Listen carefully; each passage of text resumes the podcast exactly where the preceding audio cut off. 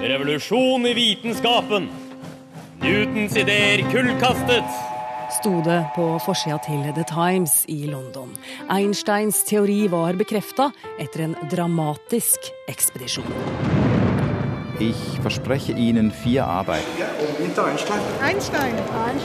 Einstein Eine Modifikation der Lehre von Raum und Zeit. på sporet av den tøyde tid. Alt er relativt. Episode 1. Å ri på en lysbølge. Her stand das Haus, in dem am 14. Mars 1877 Albert Einstein zur Welt kam. Øyvind Grønn, nå er vi her.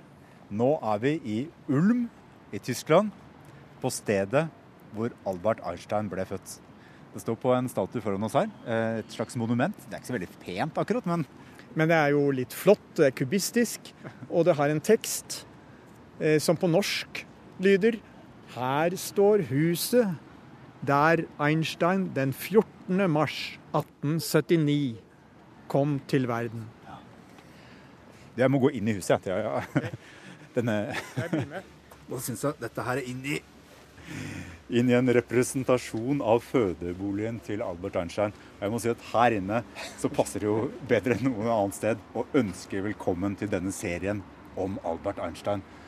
Det er jo en grunn da til at vi har dratt ut på reise for å lage en serie om denne mannen her. Jeg står her med forsida av Time Magazine fra 31.12.1999. Og Time Magazine de deler hvert år ut en pris da, for Person of the Year. Denne her så ga det ut århundrets person. Og på bildet, hva ser vi her? Her har vi Einstein, Albert Her. Einstein. Ja. Ikke bare århundrets fysiker, men altså århundrets person. person. ikke sant? Det ikoniske bildet med de litt triste øynene, barten, det flagrende grå håret. Og dette her altså en person som vant ikke bare over andre vitenskapsmenn, nei, men altså, han ble valgt før Gandhi f.eks., eller, eller Churchill. Og han, vi må si at han levde et dramatisk liv. Ja, han gjennomlevde to verdenskriger.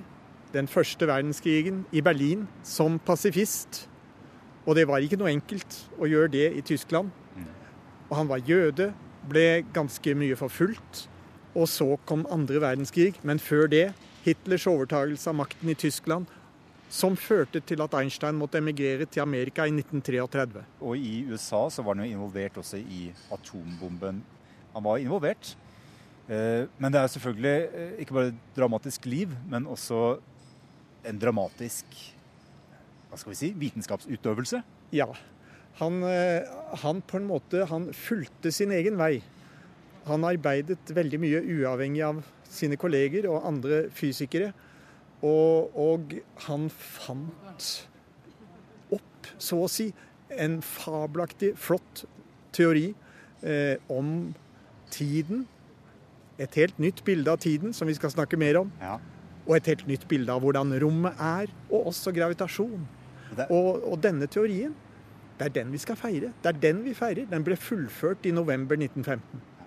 Det er selvfølgelig relativitetsteorien vi snakker om. Det er den vi snakker om. Tror du vi klarer det? Tror du vi klarer å formidle en forstå... Altså dette er en helt ikonisk eh, teori. Alle har hørt ordet relativitetsteori, ikke sant? Og så framstår det som det kanskje det vanskeligste og det mest mystiske og mest utilgjengelige som er der ute. Tror du vi klarer det? Ja, eh, jeg tror nok det. For vi har ingen planer om å undervise i matematikk her. Vi skal forklare begrepene og innholdet. Og det går an å forklare det, men eh, det er ikke så enkelt å forstå det. Ikke fordi det er veldig vanskelig, men men fordi det er så veldig fremmed. Ja. Vår intuisjon den er basert på dagliglivet. Og disse relativistiske tingene som Einstein fant ut, de ligger veldig langt vekk fra dagliglivets erfaringer. Men det handler jo om begreper som vi er vant til. Sant? Om klokker og om eh, meterstaver og tog som suser hit og dit. Men innholdet i begrepene forandres når vi snakker om relativitetsteori. Og det gjør det faktisk ganske vanskelig å gripe det ordentlig. Men vi skal lage noen bilder. Vi skal gjøre vårt beste. Har du eh, hatt problemer? Ja. ja. Eh, da jeg leste bøkene om relativitetsteorien som kom i Cappelens realserie i 1960-årene, så, så kom jeg i Bertrand Russells bok 'Relativitetsteoriens ABC' til samtidighetens relativitet. Jeg brukte et halvt år på å forstå det. Men så fikk jeg et bilde Ja. som vi skal formidle her. Og fra da så ble det enkelt. Vet du hva? Akkurat det samme. Den samtidigheten, det var min store nemesis da jeg gikk på videregående skole også. Og jeg klødde meg i hodet, og, og det har jeg jo fortsatt å gjøre, år ut og år inn. Er det håp? Kan, Ja, kan ja. vi endelig, tror du endelig at jeg kan Ja, knekke det tror jeg virkelig. Vi skal, vi skal få frem et uh, bilde som faktisk gjør det intuitivt forståelig, dette med samtidighetens relativitet. Fantastisk, det gleder jeg meg til. Men du, uh, vi skal også i løpet av denne serien skal vi møte Einstein sjøl. Dette her er noe han skrev sjøl i no- noen slags selvbiografiske notater. Her sitter jeg i en alder av 67 år for å skrive noe som ligner min egen nekrolog. Dette gjør jeg ikke bare fordi doktor Slipp har overtalt meg til det, men fordi jeg tror det er en god ting å vise dem som strever sammen med oss, hvordan slit og søken fortoner seg når man ser tilbake.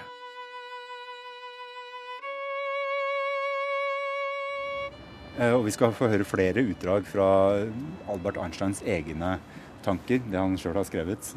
Men ikke bare det. Så hvis du som hører på nå har lurt litt på hvordan egentlig Albert Einstein hørtes ut, så må du skru opp volumet, og så følger du nøye med akkurat nå. Det her er Albert Einstein. That you have me given the opportunity of expressing to you here my deep sense of gratitude as a man, as a good European, and as a Jew. Det der det var fra en tale Albert Einstein holdt i 1933 i Royal Albert Hall i England. Og han snakka om eh, jødene som måtte flykte allerede da fra Hitler-Tyskland. Det interessante her er jo at han her definerer seg sjøl som en jøde. Og det er ikke helt opplagt. nemlig Nå er vi tilbake altså i La oss hoppe tilbake igjen til fødselen til Albert Einstein. Her vi står, i Ulm. Hvem var familien hans? Einstein vokste opp i en jødisk familie, men den var ikke religiøs. Eh, han vokste opp i et Tyskland eh, som, eh, som var ny som samlet nasjon. Eh, og, og kanskje litt prøyssisk i ånden, med, med, med litt sånn eh, militaristiske opptog av og til i gatene. Eh, noe Einstein eh, ikke kunne fordra. Når en person kan finne glede i å marsjere i takt til et stykke musikk, er det nok til å få meg til å forakte ham. Han har fått sin store hjerne ved en feiltagelse. Men, men, eh, men de prøvde så godt de kunne på en måte og, å, å ikke være jødiske. I høyeste grad. Eh, De definerte seg og integrerte seg eh, som, eh, som tyske som bare det. Og, og hjemme leste Herman høyt dikt av Heine og Goethe. Pauline, hans mor, som var en dyktig pianist, hun spilte Mozart. Og hun ga Einstein, Albert, en fiolin, og, og han fikk timer og undervisning i ca. syv år og, og ble en habil faktisk fiolinspiller. Det ble hans kjæreste hobby opp gjennom livet. Så, så han, han eh, vokste opp i en tysk eh, kulturell uh, familie og ble backet opp kraftig på den måten der. Så de prøvde å definere seg som tyskere, men som vi skal høre etter hvert i serien, så fikk de ikke helt lov av utenomverden uh, å være det. Og derfor så blei denne familiebakgrunnen ganske viktig allikevel. Eh, men Øvingrøn, Grønn, du, nå har vi stått inni en skulptur her på torget i, i Ulm. Det er vel egentlig ikke noen spesiell grunn til å være her så mye lenger?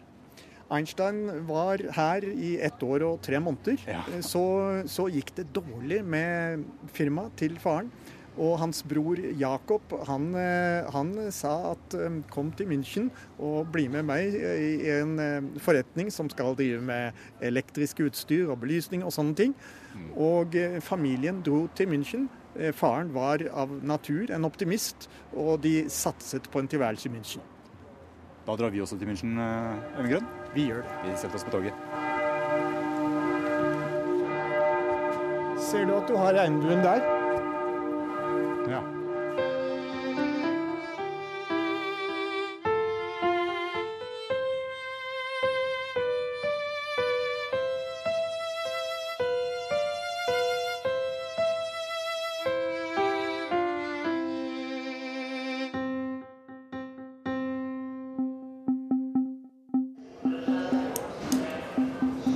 Vi er der. Holpanhof.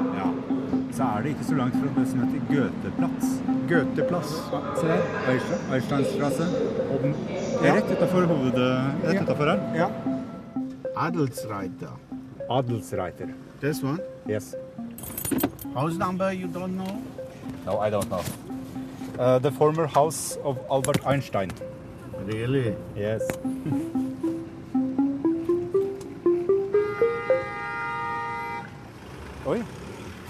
Bertrand Russell La merke til det.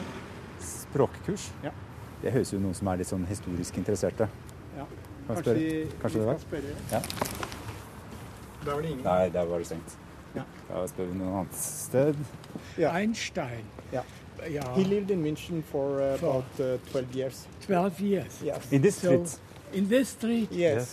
So we Ah, are searching for the Very now. interesting. So Yeah. I look in my books, Yeah. and yeah, but now I cannot help you. Se der, du. Albert Einstein. Oi, se der. Det var ikke verst. Det var ikke dårlig. Nei, Men her er det, altså. det er her. Det er her. Det er det huset står. Hver setning han ytret, samme hvor dagligdags den var, gjentok han lavt for seg selv mens han beveget leppene. Det var veldig bekymringsfullt alt sammen. Han hadde så store problemer med språket at de som kjente ham, var redde for at han aldri kom til å lære. Dette her er en beskrivelse av eh, Albert Einstein.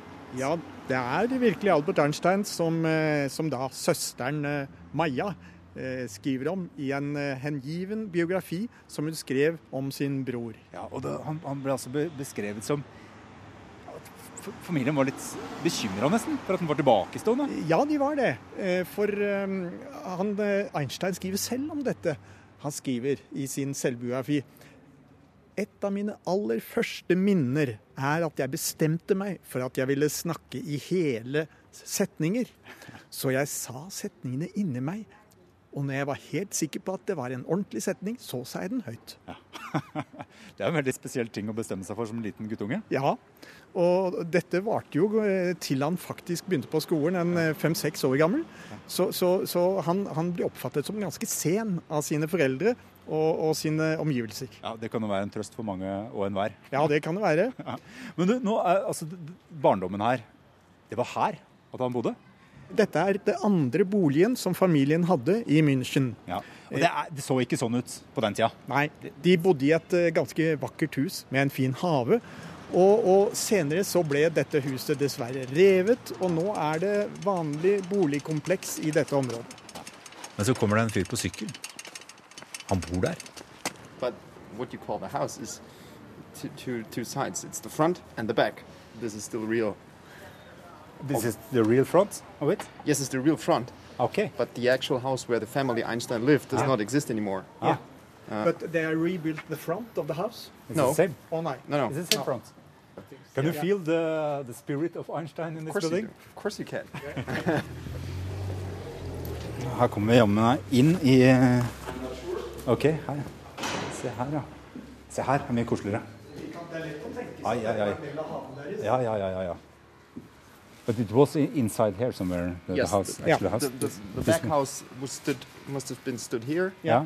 And the factory was uh, There? right there. Okay, so the factory was just around the corner. Just, just around the corner. Yeah. Yes. Very Okay. good. Det er fantastisk, øvengrunn. Øyvind Grønn. Her, her står vi utafor og kikker på barndomshjemmet til Ernstein. Einstein. Så kommer det en person som veit en masse om det. Oliver heter han. Ah, Han bor her. Ja, det var jo veldig hyggelig å treffe en som bor i Einstein-huset. Og her sitter vi bak huset i det som kanskje var haven til Einstein-boligen for 120 år siden. Kan ha sett litt sånn ut på Einsteins tid. Og det, familien trivdes eh, veldig godt eh, her. Eh, selv om Einstein hadde, han, han slet jo, fordi han, han likte jo ikke skolen, og det var ganske autoritært, det der. Men hjemme så var det et veldig progressivt og fint miljø. Men så sies det at han var en ganske sånn der ensom, eh, ensomt barn. Altså at han, han lekte ikke så godt med andre barn. F.eks. Så skal det ha vært ganske mange barn involvert som lekte rundt i hagen her. Mens Einstein han satt tydeligvis inne. Han syntes de bråkte veldig mye, og det likte han ikke så godt. Eh, Så han foretrakk å sitte, og han, eh, han hadde sine undre. En slik undring erfarte jeg som fire eller fem år gammelt barn da min far viste meg et kompass. At denne nålen skulle oppføre seg på en slik bestemt måte, passet slett ikke med den typen hendelser som den ubevisste begrepsverden tillot, virkning forbundet med direkte berøring. Jeg husker fortsatt, eller tror jeg husker, at denne erfaringen gjorde et dypt og varig inntrykk på meg. Det måtte eksistere noe som var dypt skjult bak tingene. Og har vi et kompass på bordet her. For dette er en ganske kjent episode. Den har blitt gjentatt veldig mange ganger. Det at Einstein fikk, Det er laget en film om det, det er laget skrevet bøker om det. At Einstein som guttunge fikk et kompass og ble helt fjetret av å se på nålen. Eh, vi er veldig vant til det. Hva er det som er så Hvorfor? To ting som, eh, som dette forteller om Einstein. Det ene er jo hans eh, intense undring over noe som andre kanskje ikke vil forbauses over, men hvor Einstein på en måte fornemmer en dypere sannhet bak det som syns. Ja. Og det var han på jakt etter i hele sitt liv. Og, og, og for bak her så ligger det et eller annet usynlig. Altså, nå driver jeg og sitter og leker litt med det kompasset her og prøver å, å, å vri kompasshuset rundt, men nåla vil jo ikke følge med. Den peker alltid i samme retning. Det er et eller annet usynlig som holder den fast. Ja. Og akkurat det usynlige her, det skulle jo forfølge han hele livet. Altså, for dette her er et såkalt felt. Ja. Og jeg har også tatt med her Skal vi se. Det her er det aller siste han skrev før han døde. Her har vi kompliserte ligninger. Einsteins siste forsøk på å lage en forenet feltteori som skulle forklare det meste av den materielle verden. Hans siste av mange forgjeves forsøk. Og dette her er altså noe han lå på dødsleiet i sykesenga og skrev, og det handler om felter. Ja. Det er feltteori. Det er akkurat det samme som dette kompasset han Og, satt og, og det er dette forente Han er jakter på en forent forklaring for tilsynelatende ikke-relaterte fenomener. Einstein ønsker å relatere dem på en eller annen dyp måte.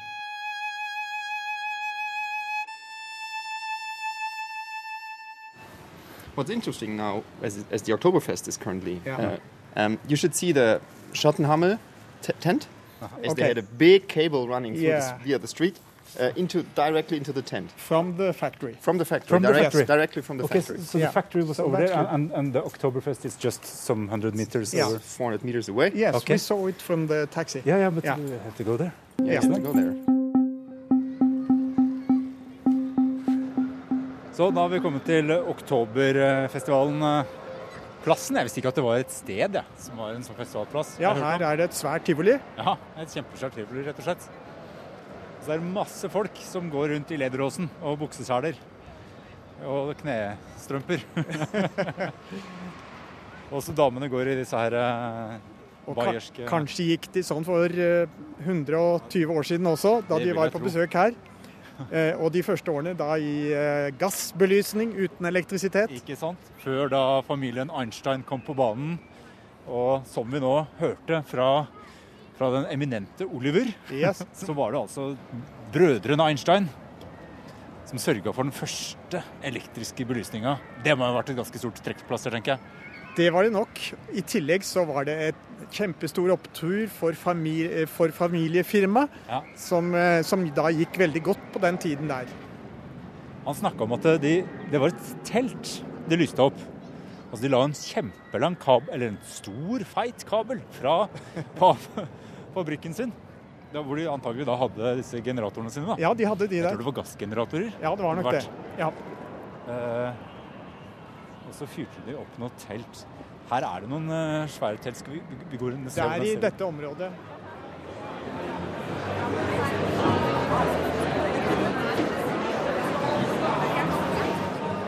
Ok, Grønn, nå står vi inni det som familien Einstein uh, elektrifiserte. Ja, i dag så er dette en del av det store festivalområdet med en kjempemessig restaurant. Dels utendørs, dels innendørs restaurant. Restaurant? Dette her er et øltelt, Øyvind Grønn. Å, huff da. OK. Klassisk ølhall. Se her, her sitter alle gutta med sånne toliters krus. Heldigvis kommer det igjen med et fat med kylling gående her også.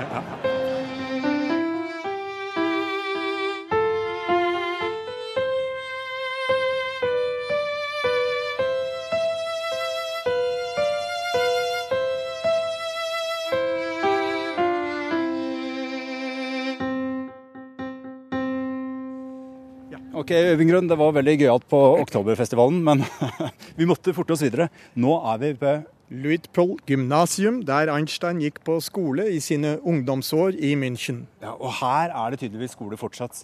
Eh, vi må si noen ord om skolegangen til, eh, til Einstein. For det, det, er jo et par ting her. Det ene er at det går en myte om at Einstein var veldig dårlig på skolen. Det sies at han strøyk i matte, er det mange som trøster seg med. Og det er jo helt feil. Helt Einstein gjorde det generelt godt i skolen, selv om han var ganske dårlig i språk. Han fikk relativt dårlige karakterer i fransk. Han slapp faktisk undervisning i engelsk, så der var han hele sitt liv ganske dårlig. Men han fikk glimrende karakterer stort sett i alle de andre fagene, og spesielt selvfølgelig i matematikk og fysikk. Men vi kan allerede røpe nå, hvis man henger med videre i serien, så skal vi høre at han faktisk strøyk i et fysikkers litt seinere i sin skolegang.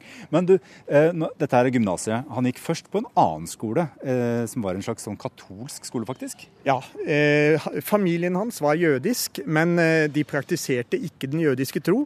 Og, og syntes ikke det var viktig i det hele tatt. Så de valgte den skolen som var mest praktisk for dem, som var nærmest og billigst, og det var en katolsk skole. Og Einstein sier sjøl at eh, lærerne der de gjorde ikke så stor forskjell på han som at han ikke var kristen, men han var jødisk. Og han briljerte visst i, i, eh, i, religion, altså i kristendomskunnskap. Eh, ja, han hadde en periode hvor han var kjempereligiøs i tolvårsalderen. Den varte et års tid. Han kalte det faktisk en fanatisk religiøsitet som varte et år. Den tok slutt da han begynte å lese natur, populær naturvitenskapelige bøker. Det kommer vi tilbake til. Men du, altså, Luitpolds gymnasium det var ikke en spesielt god tid for Einstein. Han trivdes ikke på gymnasiet. Han syntes det var helt ille med den disiplinen som rådet på skolen. Det var en slags prøyssisk ånd der, og han oppfattet lærerne sånn at de oppførte seg som sersjanter. Ja, Det her ser veldig lite militaristisk ut nå, altså. På, I dagens Tyskland. Sånn. Se her, nå ringer det ut. Hyggelig Og da toner. får vi runde av her. Det var alt vi har tid til nå. ja. Eh, det får vi gjøre. Uh, Vi rekker ikke toget hvis vi gjør mer. Vi rekker ikke toget hvis vi gjør Thank you. You're welcome. Okay. Bye. Ja, se her. Jeg møter deg på Stor 18. Du greier begge bagene? Ja, ja, ja.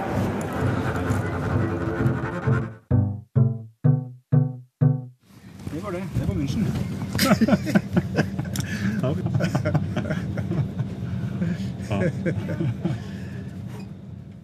Og så tenkte jeg Skal Dan Michelsen Morley nevnes i den Herzlich sammenhengen? willkommen in der Schweiz. Genießen Sie Ihren Aufenthalt. Welcome to Switzerland. Enjoy your stay. Aarau, Ihre nächste Verbindung.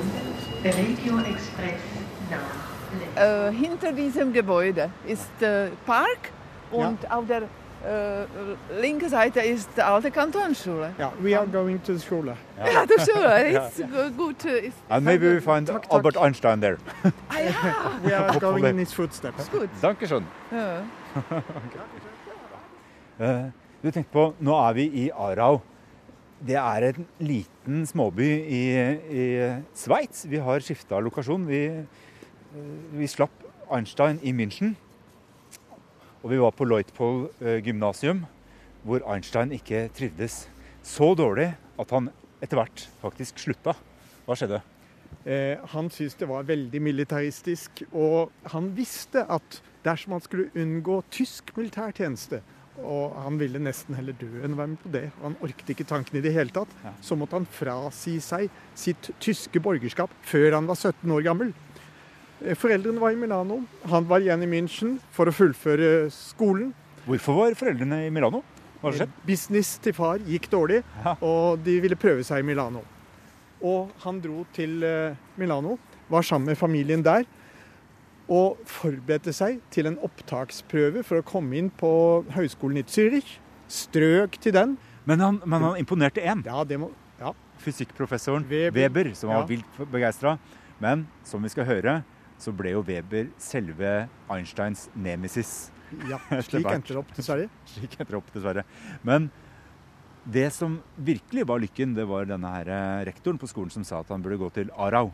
Ja, det, det var et kjempegodt råd. Så i familieråd så, så snakket de om det. Jo, Alle var enige om at det måtte være det riktige å gjøre, så Einstein dro. Og han startet i oktober 1895 på denne skolen som vi nå står ved, og hadde her et av sine lykkelige år. Ja.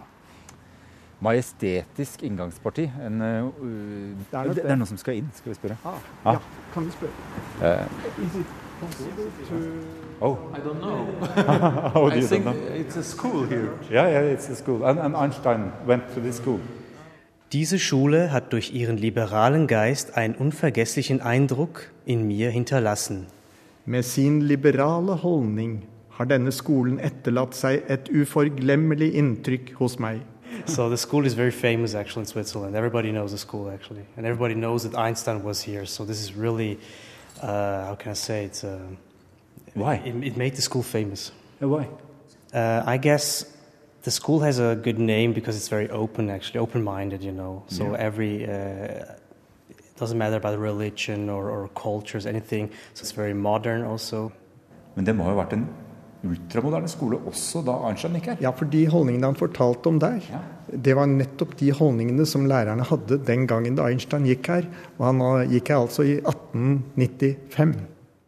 Når jeg sammenlignet med seks års skolegang på et tysk autoritært gymnas, innså jeg klart hvor overlegen en pedagogikk bygd på fri handling og personlig ansvar er i forhold til en som bygger på utvendig autoritet.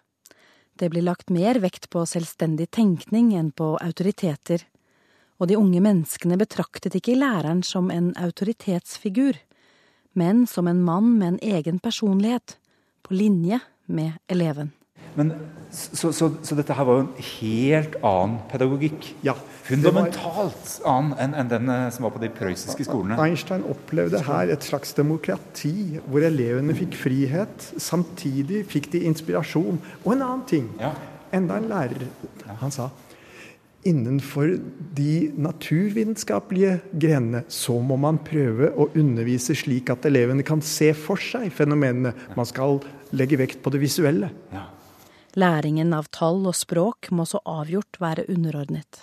Eh, Tenke systematisk, oppøve fantasi, undring og evnen til å se for seg ting. Og det ble jo Einstein fenomenalt flink til. Dette her, det, jeg tror Einstein virkelig blomstret det året her. Her fikk han noen impulser som hadde enorm betydning for sin kreativitet. Jeg, jeg, jeg får nesten en sånn, litt sånn Steinerskolefølelse. Altså at, at her, dette her er det liksom fantasi som er viktig, og ikke å pugge. Det er å tenke sjøl og være Tenke sjøl, selvstendig. ja. We are talking about Albert Einstein, who, who had Just Wintler as teacher. Yeah, and he lived in that, that house. He lived in that, That house. In, in, in the house you are in. Men jeg skjønner godt at eh, de lurer på hva som foregår i bakgården. Ja. sin. Men her står vi. Her står vi. I bakgården til der eh, Einstein bodde da han bodde eh, i Aral det året han var der. Og det var fantastisk flaks at han kom til skolen med de lærekreftene som var der. Og det var fantastisk flaks at han fant denne her eh, vertsfamilien som han bodde hos et år. Det skulle bli ekstremt viktig for det videre livet hans. Ja, det var en flott familie han kom til, med Just Wintler, hans kone og syv barn. Eh, Einstein minnes eh, 30 år senere snakker han om Just Wintlers profetiske politiske oppfatning. Og det snakket han om. Han skrev et brev om det til sin søster Maja etter at, eh, etter at Hitler hadde overtatt makten i 1933. Ja, så han var også en glødende pasifist, da, rett og slett? Sånn som, Eh, han var det, og han, han, han hadde evnen til å gjennomskue på en måte uheldige trekk ved den kulturen som etter hvert bygde seg opp. Så det var Jost Wintler. Det var Jost Wintler. Men det som kanskje gjorde enda mer inntrykk på den unge Einstein, det var jo en av døtrene til Johs Wintler. Ja. Som han bodde i samme hus med. Han, eh, han ble jo ganske så forelsket i Maria, som var halvannet år eldre enn Albert. Og det sies, må jo sies at det er noen karakteristikker av Einstein fra den tida han gikk her. Hvor han gikk for å være en særdeles tiltrekkende ung mann, altså. Ja, han var jo en flott kar. Vi har sett en del bilder av han fra den alderen. Eh, og han, han var altså nå 16 år, ble 17 år gammel på denne tiden.